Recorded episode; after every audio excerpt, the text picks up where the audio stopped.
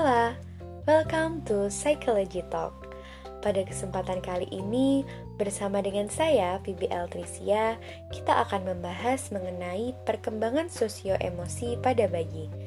Yang akan kita bahas mencakup dua hal. Pertama, emosi di awal kelahiran bayi, dan yang kedua adalah bentuk-bentuk pertama emosi pada bayi. Oke, langsung saja kita masuk ke topik bahasan yang pertama, yaitu emosi di awal kelahiran bayi. Emosi ini terbagi menjadi dua. Yang pertama adalah emosi primer. Emosi primer merupakan emosi dasar yang ada pada manusia dan binatang.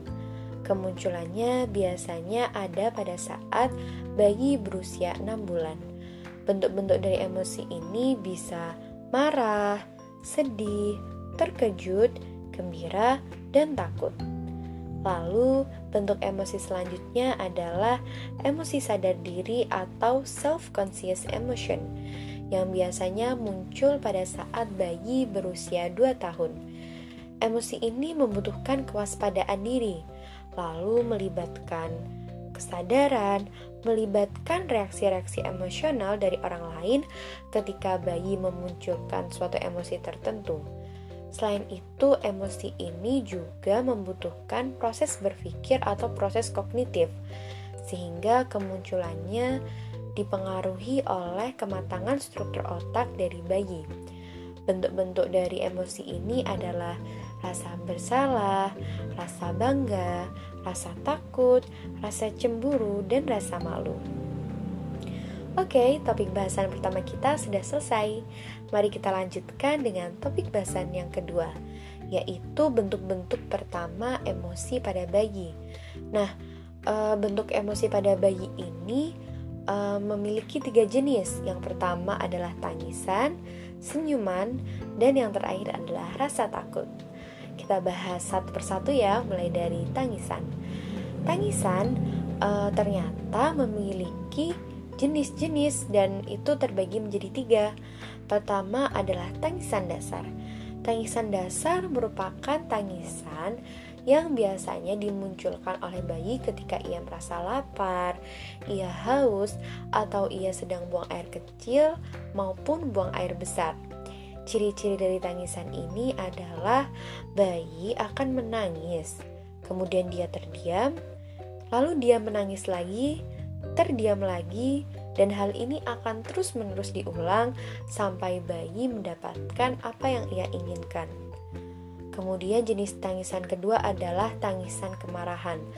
Tangisan kemarahan ini memiliki ciri-ciri yang sama dengan tangisan sebelumnya, yaitu tangisan uh, dasar akan tetapi, tangisan kemarahan memiliki nada yang lebih tinggi dibandingkan dengan tangisan dasar. Selanjutnya adalah tangisan kesakitan. Tangisan kesakitan memiliki ciri-ciri uh, tangisan panjang, kemudian secara tiba-tiba bayi akan menahan nafas sehingga tangisan ini tidak terdengar. Lalu ia akan menangis panjang lagi. Oke, kita bahas bentuk emosi yang kedua yaitu senyuman. Senyuman terbagi menjadi dua. Yang pertama senyuman refleksif dan yang kedua adalah senyuman sosial. Senyuman refleksif adalah senyuman yang kemunculannya tidak dipengaruhi oleh stimulus atau rangsangan dari lingkungan. Nah, mungkin di sini uh, pernah ada ya yang melihat bayi ketika tidur tiba-tiba tersenyum dan itu tanpa alasan atau tanpa sebab tiba-tiba saja. Nah, ini merupakan uh, jenis senyuman refleksif. Biasanya memang muncul pada saat bayi berusia satu bulan dan ketika ia tidur. Uh, selanjutnya adalah senyuman sosial.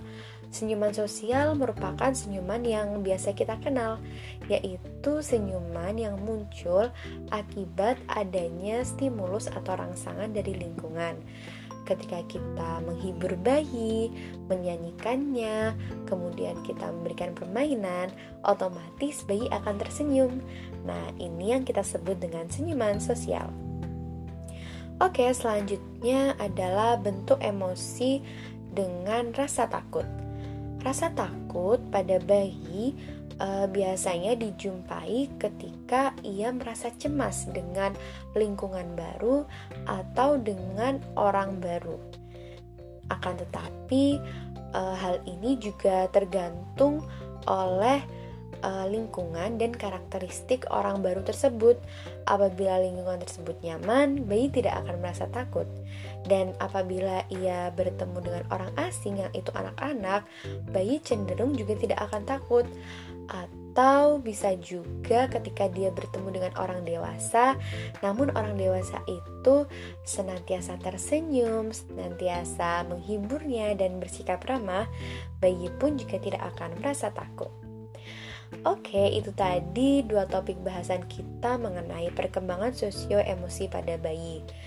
Uh, yang ingin ditekankan pada topik bahasan ini adalah bahwa peran orang tua dan peran pengasuh sangat besar dalam uh, perkembangan sosio emosi pada bayi ini. Karena sejatinya cukup menarik ya ketika kita membahas tentang emosi pada bayi. Karena seperti yang kita tahu, bayi belum bisa mengungkapkan apa yang ia inginkan secara langsung, secara jelas, sehingga kita sebagai orang dewasa yang berada di sekitarnya harus mengamati bayi dengan cermat apa yang ia inginkan, apa yang ia rasakan, dan apa yang harus kita lakukan. Karena apabila kita mengabaikan bayi, kemudian kita tidak memberikan perhatian, baik itu berupa pelukan, buayan, dan sebagainya, maka ini akan berdampak pada perkembangan sosial emosi di tahap yang selanjutnya yang dikhawatirkan bayi akan merasa cemas, ia akan merasa tidak nyaman, bahkan dengan lingkungan yang terdekat sekalipun. Kalau sudah terjadi seperti ini, eh, benar-benar sesuatu yang merugikan ya, karena eh, bayi akan tumbuh menjadi anak yang penakut, anak yang tidak percaya diri, dan tidak memiliki hubungan yang baik dengan keluarga atau figur lekatnya. Oke, mungkin cukup sekian dulu bahasan kita pada kali ini. Semoga apa yang sedikit ini bermanfaat. Sekian dari saya PBL Trisya. Mohon pamit. Bye. See you on the next episode.